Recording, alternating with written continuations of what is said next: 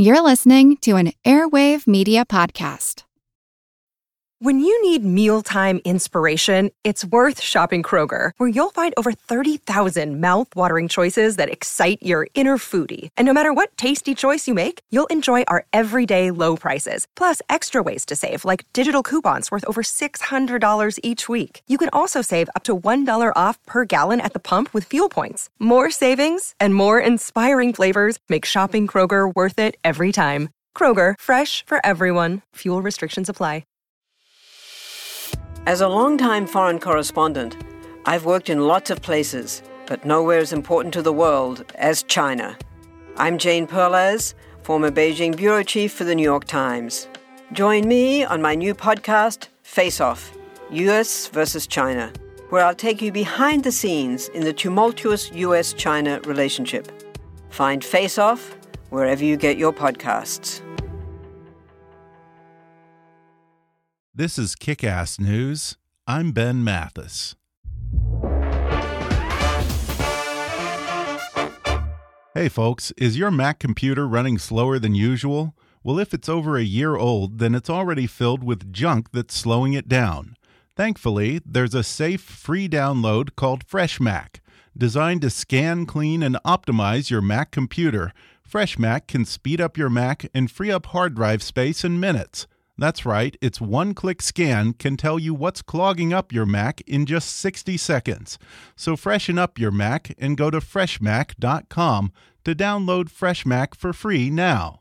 That's freshmac.com. And now, enjoy the podcast. In this era of fake news, these are the men and women who deliver great news. Tune in tomorrow night when I go undercover as an ugly person. Like, who is Snapchat? Is he one of the minions? And are they all Pokemon? My body is a temple, and by that I mean I let a lot of Jewish guys in. Oh, I've been busy producing a news piece. Unrelated, do you know how to produce a news piece? Back to you, Chuck. What?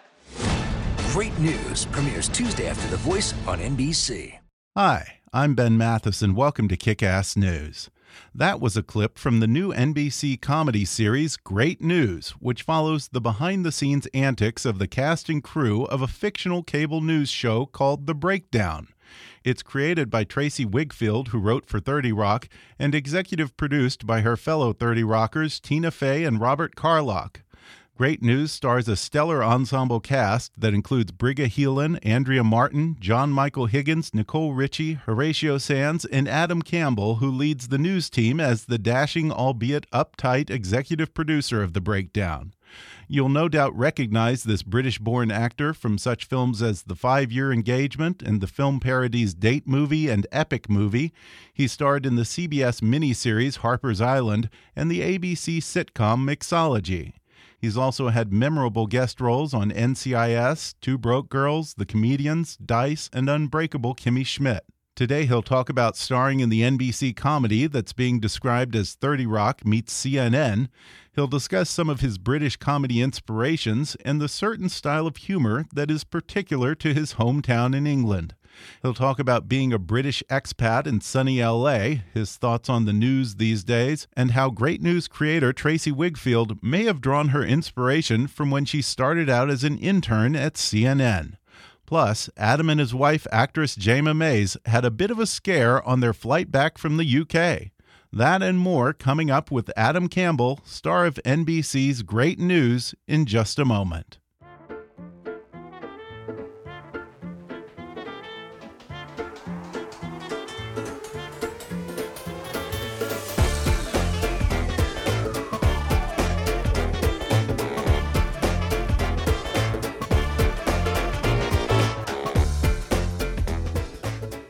You know Adam Campbell from movies like The Five Year Engagement and the parody movies Date Movie and Epic Movie.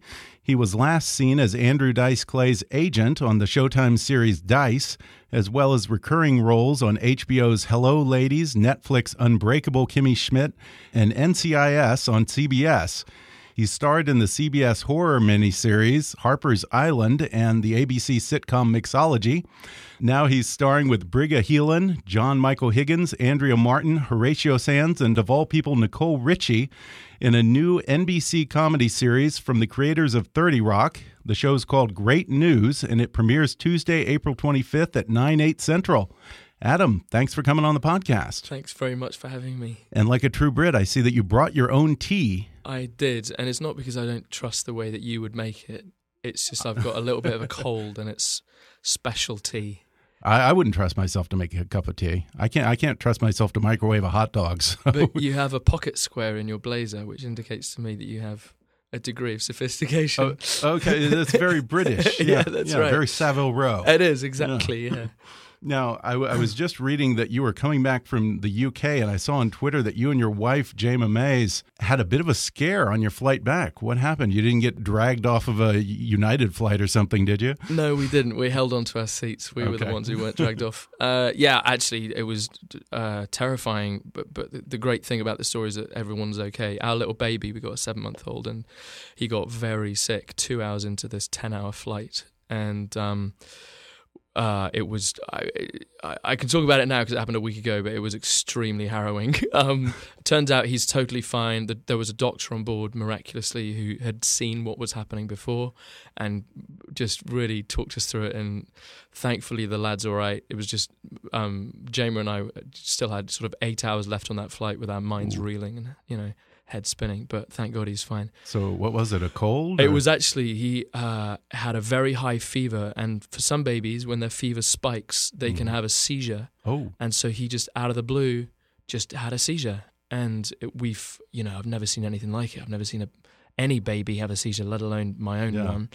And um, it, it the staff on this Virgin Atlantic flight were just incredible and took control. And wow. this guy was on board who was an ER specialist from England who'd worked with kids and just immediately, you know, you know, when a professional kind of shows up and knows yeah. what they're doing, it immediately just calmed us. And um, there was room, there was talk of the, you know, turning the flight around or landing in Iceland and uh, anyway, it was all wow, fine, and um, yeah. So the flight, the rest of the flight was, you know, uh, just sort of let's just we wanted to land and get him taken to yeah. the doctor and thank god he's totally fine and um and now you've been rewarded with uh, you and your wife both getting this cold huh yeah now we've yeah so the little no good deed goes unpunished no that's right and um, yeah so we're getting um we're getting our just desserts but uh yeah thankfully everything's okay yeah. so that really works if you if you ask is there a doctor on the plane yeah i funnily enough like the, the, the first call there was no one on the plane who was a doctor oh. and then they called again, and this guy uh, he hasn't trained, he hasn't been a doctor for four years, so he hadn't renewed his license, so he didn't want to be misleading, but he also mm-hmm. wanted to be available. So thankfully, he he kind of stood up and and took control, and then yeah. we kind of we hassled him for the next eight hours, saying, "Is this normal? Should he be doing this?" And the poor guy didn't get much rest. Now, do you go back to the UK often? Um, we do, yeah. I mean, we my family's over there, back mm. in Bath, and um, oh right, my brother lives in London with his three kids, and so we go back when whenever we can. But it's it's a bit with a kid now. It's just a bit more difficult. Yeah, and yeah, we're now like dealing with a baby that has jet lag, which is just the least Ooh. fun thing yeah, in the world and you're not supposed to drug them to sleep. You can't give them Tylenol to sleep unless that. they're sick. So we're not allowed to do whiskey? that. Whiskey's not even allowed anymore. Oh, really? yeah. F- apparently, pediatrics they don't really they don't uh, administer it quite as much anymore. Aye, aye. So, well, Bath is a lovely place. I've been there. I, I toured the baths. Uh, what is yeah. it? The Royal Crescent. The Royal Crescent. Uh, the, That's right. The, the little lawn there with all the the what would you call those brownstones townhouses? The the Georgian, yeah, yeah it's um mm-hmm. Bath stone, it's limestone, it's yeah. kind of sandy. It's beautiful. It's beautiful, isn't it? We were it is. We were it's just gorgeous. back, and I was like, why did we leave this town? Yeah. And then, um, and that's Jane Austen country, right? It is exactly, yeah, it's mm-hmm. exactly Jane Austen country. It's it, it is beautiful, but yeah. LA is beautiful in its own way, isn't it? Uh, yeah, yeah. We have we have some things going for us. Better weather, certainly. Better weather. Yeah. Um, uh, better, better Is part. that all we can come yeah, up with? no, no, I'm kidding. There's, there's LA. I love. No, this is home for us. We, we mm-hmm. couldn't be happier here. Yeah. How long have you lived here? Um, it's, it's about twelve years. And Jayma's is probably about oh, thirteen okay. or fourteen. Wow. Um, and never the intention for mm -hmm. for me to be in Los Angeles, but it's become home, and, and I love it. Yeah, what was it like growing up in Bath? Is that a pretty idyllic childhood? Is can you get into trouble in Bath? Uh, you, growing up there, obviously you don't really appreciate, you know, that you're you'd walk home from school seeing nothing but Georgian architecture. Mm-hmm. But then you growing up, yeah, it's you, you're you're still just a kid, so it's just everything's kind of depressing, and you you don't want to be there. But then coming back as an adult, you you think this is just stunning. Um, but it was great. Yeah, it's a great town to grow up in. Um, it's where uh, um, there's a, it's got a great sense of humor. The West Country humor is just the, the best.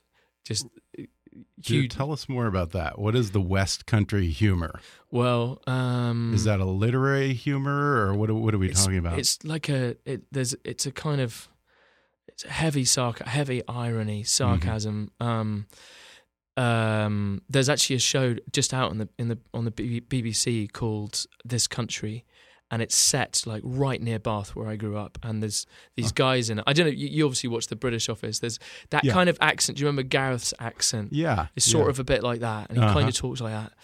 and it's that's what the West Country accent sounds yeah. like. But this humour is um, growing up at school. There, it's sort of. Um, I mean, I know British humor. I have a general. I, I appreciate British humor. Yeah. I, I used to love watching Jeeves and Wooster on the BBC right, and right. stuff like that. yeah, Monty Python. Is yeah. there like a regional type of humor well, in I, the UK? I'd too? say the distinction is uh, like um, the Bath humor is. There's no way you can have any confidence in yourself. People will knock it out of you, but in a very funny way. Yeah. So there's no bragging without you being, you know, heavily criticised and yeah. mocked for weeks. Um, huh. It's quite stifling, actually, in that sense that you just never get above your station. Yeah. Um, who do you think you are? uh, there, there's one. St- I, I was obviously trying to be an actor when I was a kid, and there was a. Uh, uh, it was in the 90s. There was um, my. I had sort of long blonde floppy hair, and for some reason, the local newspaper uh, decided to do a little article on me looking a little bit like Leonardo DiCaprio. Right. now, I didn't look much like him at all, but they put on the front page of this newspaper the headline was "What's he doing in Bath?" and it was a photograph of me looking not very much like Leonardo DiCaprio, but co- covered in acne. And I, for the next five years, I would walk around Bath, and people would just come up to me and say, "You look nothing like Leonardo DiCaprio, mate. Who do you think you are? Why are you saying that? You you think you look well nice, don't you? You don't." So I didn't ask to be on the newspaper, but anyway, they they um, uh, yeah, I, I, it's just horrific if you get on the yeah. wrong side of uh, the West Country lads. Well, you know, I wonder if that sort of goes back to Jane Austen, kind of this sticking it to the upper class and mocking the silliness of uh, affectations and so forth. That really could be true. Yeah, yeah. yeah. It's um, if, certainly if you have a remotely posh accent, you do mm -hmm. get kind of um, bullied. Yeah, and you focused more on comedy than the traditional Shakespearean route.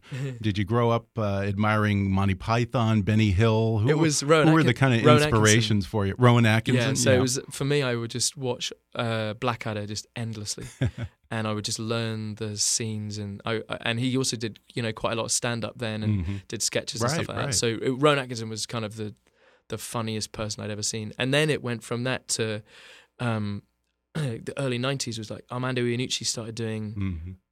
satire and, and, radio shows. This guy called Chris Morris, who's just the probably the funniest living man, I think. Um, and and then St- Steve Coogan kind of came out of that with his character Alan Partridge. So me and my friends would just watch that, you know, on repeat.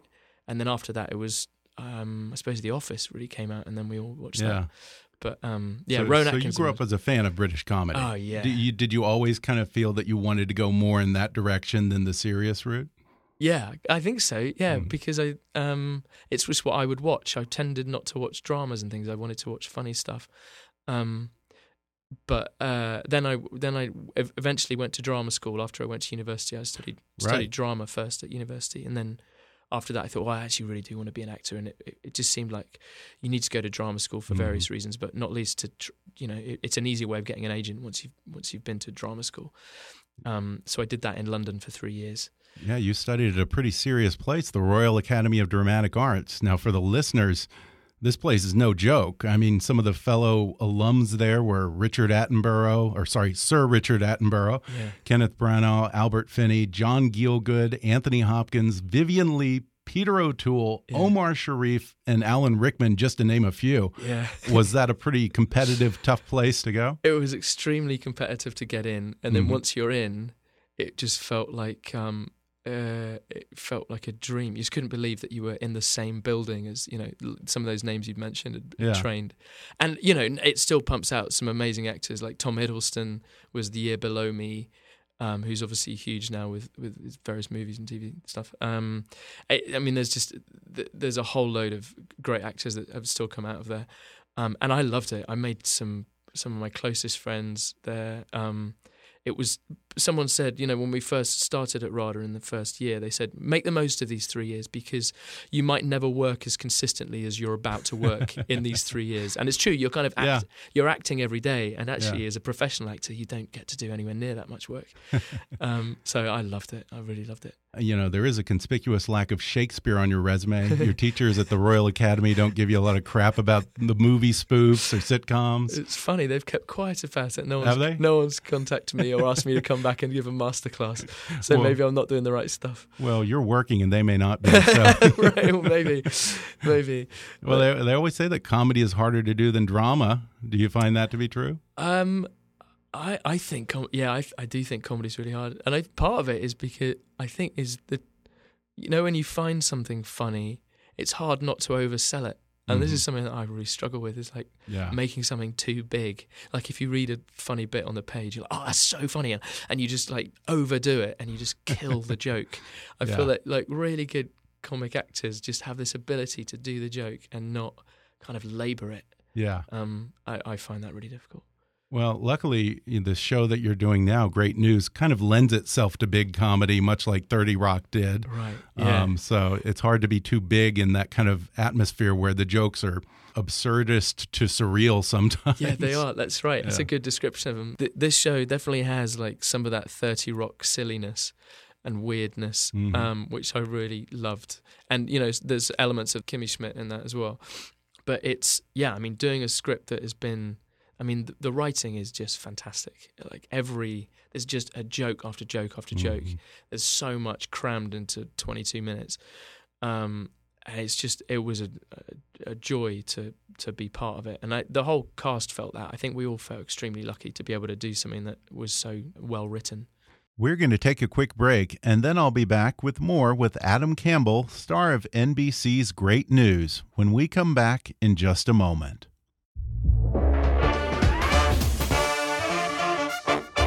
Support for today's show comes from FilterBuy.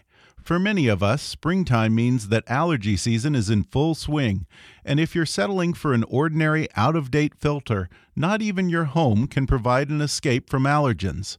Thankfully, FilterBuy offers a wide selection of high quality air filters in every MERV rating, including an AFB Platinum filter that captures allergens as small as 1 micron. Not to mention, FilterBuy offers over 500 different sizes of filters, as well as custom sizing, so you can find a filter for your HVAC unit no matter what its dimensions. Better yet, all orders ship within 24 hours direct from FilterBuy's U.S. factory to you, so you get the best price possible. No middlemen, no markups. Even shipping is free within the continental U.S. Plus, changing your air filter regularly can help you keep your energy bill down and your HVAC unit working properly, saving you more money in the long run. So breathe easy with a filter you can count on from FilterBuy. Now, for a limited time, our listeners can even get a 10% discount by going to filterbuy.com/kick. That's filterbuy spelled B U Y dot com slash kick for 10% off your new air filter. And now, back to the podcast. Great News has quite the pedigree. It's executive produced by Tina Fey and Robert Carlock and created by Tracey Wigfield, the same writers behind 30 Rock. Um, do you like the comparisons with 30 Rock, or do you think that's a lot of pressure to put on a brand new show? Well, I think it's inevitable, you know, because they mm. because the show comes from uh, Tina and Robert. Um, but Tracey Wigfield, who created Great News, um, she wrote on Thirty Rock and on um, the Mindy Project, but and she actually won an Emmy for um, right. her episode on Thirty Rock. But it's really her thing. Like it's mm-hmm. not it's not Thirty Rock. It's she, Tracey just kind of made this show really about her her relationship with her mom. And she has just an amazing voice. She's just a supremely talented girl, but also is is acts in the show as well. So she's, I mean, one oh, episode. she's in Tracey's she's in the in show as well. Oh, I didn't realize that. She has a recurring role. She plays Beth, the weather girl, who um, oh, she's great. That's a great part. mental, who kind of hints at the fact that Yeah. she can control the weather with her mind, um, and has a long braid down to her knees. Yeah. Uh, she, but she's just a brilliant actor, and I also, didn't even realize that. yeah, yeah. And I guess my simplified elevator pitch for great news would be it's 30 Rock meets CNN. But tell us a little bit more about the show.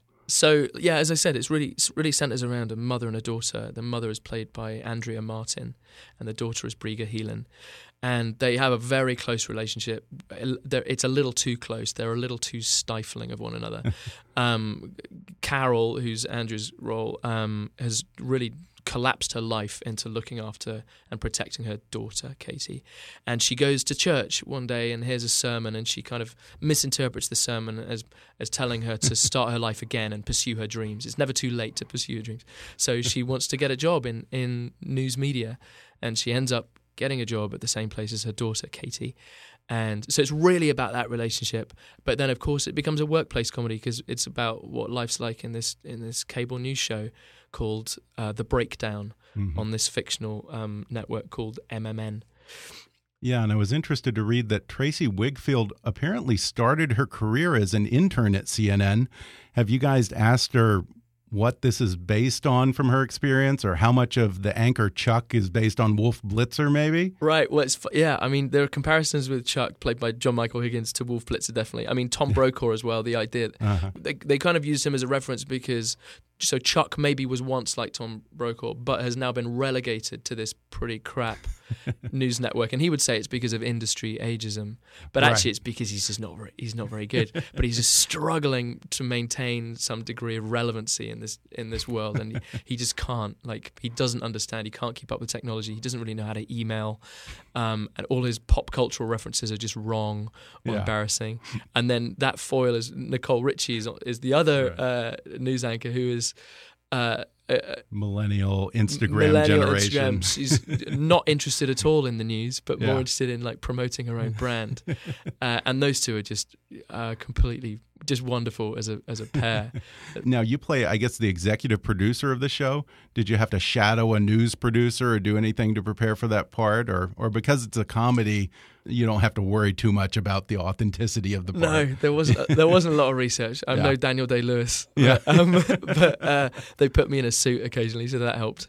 Um, but yeah, I played Greg, who's who's it's kind of up to him to keep to get this show going, and he's got mm-hmm. this huge burden to make a show every single day. It has there's a one hour show that they have to air, and the struggle is like, well, first of all, is finding news stories in New Jersey, and it's just like trying to dress a, a non-story up as as perhaps a piece of news. Yeah. And the other thing is like he's just surrounded by people who he can't control, not very effective producers, and these news anchors who are just nightmarish. Yeah. And uh, he gets flustered very easily. He's he's um, a bit like a toddler.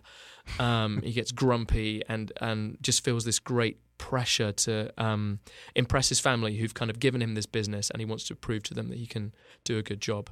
But um, it, at every turn, he's he's foiled. But when I watched the first episode, I was expecting your character to turn into sort of the villain or the foil because that's saying that always how it is when there's British a accent? Yeah, that Yeah. whenever there's a Brit who plays Yeah. the boss or something, yeah. inevitably you end up being the bad guy. No, that's right. He's not a bad guy. no, no, not really in No, this he's, case. He's just. Um, nor is he sort of winning either. He's kind of mocked continuously throughout the show for being small, for not being manly, for being weak, for wearing children's clothes. They even say that he doesn't have any genitals. That's one of the references. It's basically all the stuff that No, kids is use. that true? Uh, yeah, yeah, yeah.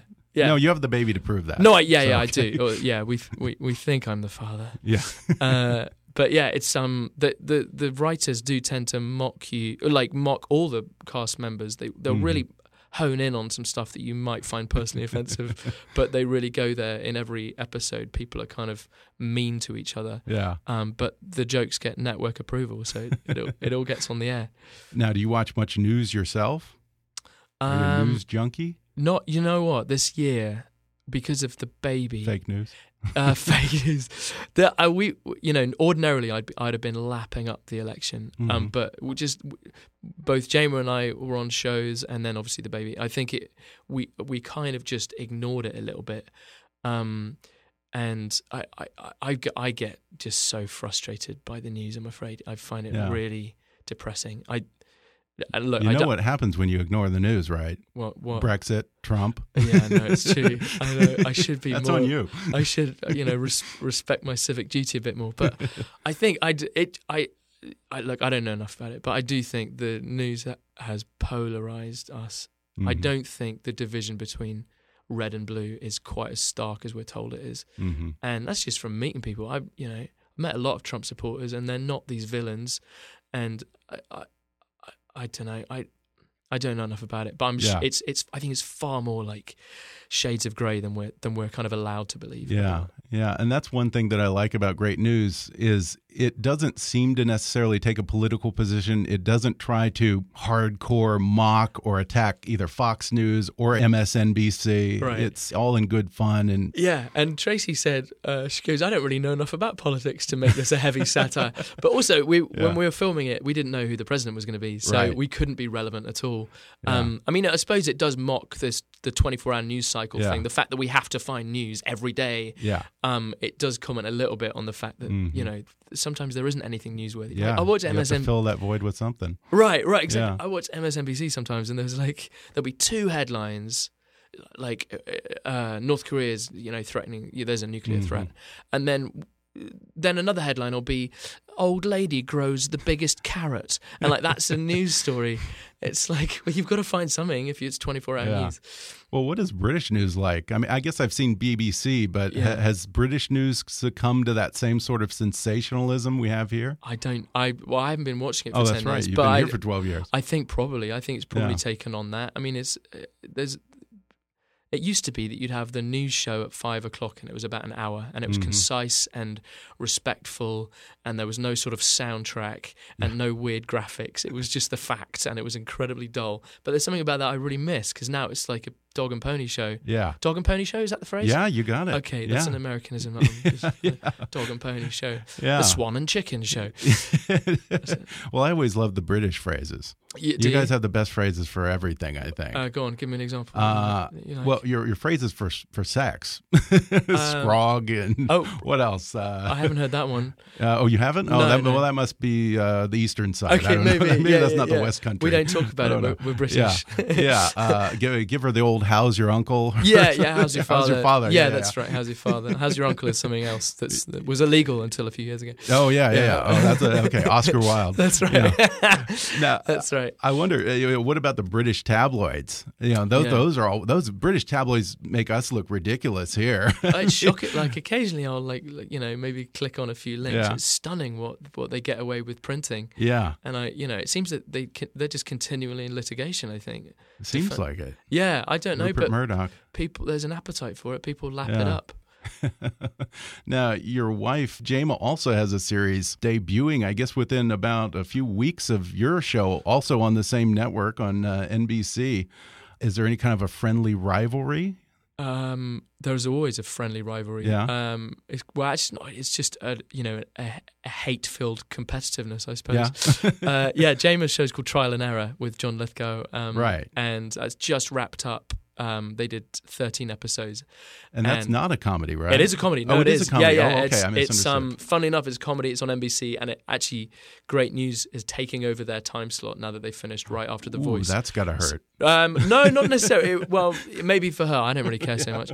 Um, but it was a really funny show, Trial and Error. Mhm. It was absolutely brilliant. Um, Yeah. and and it kind of mocked that um, the making a murderer and the Mhm. Jinx, that kind of thing. It was kind of Oh, that's a mock- great idea. Mocking those kind of Yeah. um, murder mystery, murder documentaries. Yeah, and you two have a newborn. How do you balance both having a TV series and a baby? That's got to be a hectic schedule. We haven't really figured it out yet. We No? It was a nightmare, and we haven't slept, and um, we've um, we relied pretty heavily on parents. Mhm. And uh, just leaving the baby in the car with the, with the window cracked, but now, uh, yeah, now the shows are coming out. There's a bit of downtime, so Mhm. we've been able to be parents again. Yeah. And, um, yeah, it's been really fun. Almost all of your acting work has been in American TV shows and movies. You didn't want to go the the BBC route in the UK or what? Well, actually, my my first job, yeah, was while I was at drama school. I got this job that was out in America. It was a pilot for the the then WB network. And I thought, well, actually, my dad said to me, you know, where would you rather be an unemployed actor? Would you rather do it in Los Angeles or London? Which I thought was a very sage question. I thought it was a really smart thing to ask me. And I thought, well, yeah, I may as well try living in LA for a bit. And then I just never left. So I've never worked in England, actually. Really? It's, yeah. And um, I think my parents would probably love nothing more than for me to do a sort of a BBC Dickens yeah. adaptation. I think that would be their dream. I don't know yeah. if anything I've done out here is exactly their cup of tea, but um, I've been loving it. I've been really enjoying myself. Yeah, but you don't get a knighthood for an NBC sitcom, you know. you, cer- you certainly don't. Well, we'll see when there's a new monarch. Yeah, there you go. I have to figure that it's hard to be a British actor trying to make it in Hollywood. It seems like it's probably very easy to get typecast in this town with a British accent. Uh, oh, totally. Yeah, but I, I don't mind. It's kind of nice to yeah. be typecast. Yeah. Um, I, I, I think most of the time, you know, I, I, am I go in for roles that aren't really written necessarily mm. British, but if it's comedy, I really try and go in with a British accent because it's so yeah. hard to do comedy in a in a different accent. I think yeah. with comedy, especially, I I kind of have to keep my own accent, but with drama, it's slightly nicer to do an American accent actors seem to live in fear of ever being typecast. But you know, when I look at all the old classic Hollywood stars, yeah. you know, uh, Humphrey Bogart, uh, yeah. uh, Clark Gable, they they were all typecast. They no, played the right. same role in every movie, and they, were, and they, did quite well with it. They were really good you know? at their type. You know, yeah. So I suppose there's an advantage at some point. I have a friend. Her name is Claire Boulevant. She has a podcast called Brits in the Wood, and oh. it's all about British expats living here in LA. Really? It's interesting how tight the British clique is in this town. Yeah. And, you know, yeah. they all seem to hang out for some reason in Marina Del Rey and Santa Monica. That's right. I don't right. know why. They do. But. Yeah, I don't know why. I think any any expatriate community likes to be with one. There's something comforting about yeah. you know eating the same food from England and moan. It tends to be moaning when Brits get together. They oh, really? sort of moan. Yeah, I mean I do it. It's but you. what do they moan about? Oh, just like uh, well, they'll talk about England as if it's as if uh, uh like the glory days. Uh, they talk about an, this sort of um, an unreal uh, image of England that it, yeah. it isn't really like that anymore. And they say, "Oh, I yeah. do. They don't know how to make tea out here, do they?" And they, "Oh, have you tried? No one makes proper chips out in America." And just sort of these, but they love it here. Come yeah. on, the Brits living in LA. It doesn't get better than that. Doesn't rain. Stop moaning. It doesn't rain. You've got parking everywhere. It's yeah. brilliant. Do you have a, a, British group of friends, a group of expats that you hang out with to keep you from getting homesick? I do. Yeah, there's yeah. quite a lot of us living out here now, and I do. Yeah, I do take comfort from hanging yeah. out with English people. Now, are you a monarchist or an anti-monarchist? Um, I I I respect the royal family a great deal, and I think um, I think they do a huge amount to bring tourism into the country. You say that like there's a gun to your head. Well, it, there is a metaphorical one. okay. uh, no, I, I I think the Queen's brilliant. I think that the whole all the pageantry and stuff. I think it's excellent. Yeah. Come on, without that, what is England? Yeah, I think it's. I'm really on board with it. Um, again, I don't really know what I'm talking about, so I'm sure someone can shoot me down for that blase statement. But I, I like the Queen, and I like her helmet, her crown, her crown, her she, helmet, her hat. She wears. It is her a hat. hat. It probably is bulletproof. yeah, and your character Greg comes to America to make something of himself. You said, and impress yeah. his estranged family back home. Yeah. Uh, how about your real family? Are they pretty excited? Were they always fairly supportive of you going into acting? Yeah, my dad's an English teacher, retired, oh. um, so he was always taking us to the theatre and stuff. And obviously, they were really excited when I went in, when I got into drama school. Um, but I think they probably had an expectation that I would, you know, stay doing Shakespeare and doing mm-hmm. sort of slightly higher brow stuff. And and then I don't know, I yeah, it's uh, you kind of go where the work is. Yeah. And I've I've. Uh, I've really enjoyed doing comedy in America. Yeah. And uh, I don't know. If, yeah, maybe it's not. It's not quite their thing, but that's okay. So you don't see yourself ever playing Hamlet in the West End? You know, I would absolutely love to. I would. okay. I would. I'm. You know, I'm blonde, so that's yeah. helpful for that. Okay. But that's well, about it. Brexit, thumbs up or thumbs down? Um, I know you now that you've admitted that you don't watch very much news. yeah, keep up with anything. again, this year I'm, I'm put him on the spot again. I'm sounding pretty dumb, but I look. I I uh, I've got family who are for it and family who are oh, really? against it. Yeah, Uh, I look selfishly. I wish we'd stayed in. I, I love the fact that you could, with a British passport, go and live in France mm-hmm. for years on end, and that obviously won't happen much anymore. So selfishly, Yeah. I think I think it's a real shame. Um, however, I know that the the Brexit lot did it for a reason, and, and I'm sure there's Mm-hmm. there's valid um, you know reasoning behind that vote. But look, Yeah. do you see how kind of diplomatic I'm being? I was just going to say, if Yeah. acting ever doesn't work out, uh, diplomacy Politics, might diplomacy. be your thing. Yeah. yeah, yeah. I could do it. Yeah. Um, anyway, or I'd say on the one hand, but also on the other Yeah, hand. Okay, yeah. there we go. yeah, yeah, yeah, yeah. This is good. You, Yeah. you belong in the news. Thank you. Yeah, Yeah. thank you so much. I love You're it. saying I'm spineless, basically, aren't you? well, you are British, Right, that's true. You're- Sorry, we, we we love to rub that in your face. Yeah, you know, it's true. 250 years ago yeah, yeah. Remember, we did used to own you. We can own you again. That's right. Probably more likely now than ever before. Yeah. well, once again, great news premieres Tuesday, April 25th at 9 8 Central on NBC. Adam Campbell, thanks for joining me. Thank you very much for having me. Absolutely. Cheerio. Cheers.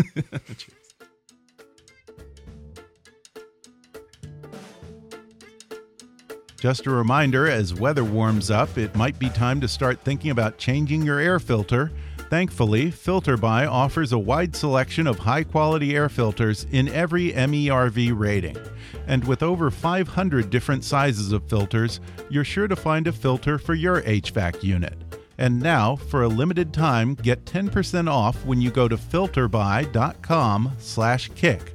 That's filterbuy spelled B U Y dot com slash kick. Thanks again to Adam Campbell for joining me on the podcast. The series premiere of Great News airs tomorrow, Tuesday, April 25th at 9, 8 Central on NBC. For more information, including behind-the-scenes extras, visit nbc.com slash great hyphen news and follow Adam Campbell on Twitter at, at Adam Camp Belly. That's right, Adam Camp Belly. Be sure to subscribe to Kickass News on iTunes and leave us a review while you're there. Don't forget to take our listener survey. It only takes five minutes at podsurvey.com/kick. You can visit Kickass News on Facebook and follow us on Twitter at, at KickassNewsPod. And be sure to recommend Kickass News to your friends on your social media. And if you really want to help out, then donate to our GoFundMe campaign at gofundme.com slash kickassnews or click on the donate button at kickassnews.com. As always, I welcome your comments, questions, and suggestions at comments at kickassnews.com. For now, though, I'm Ben Mathis, and thanks for listening to Kickass News.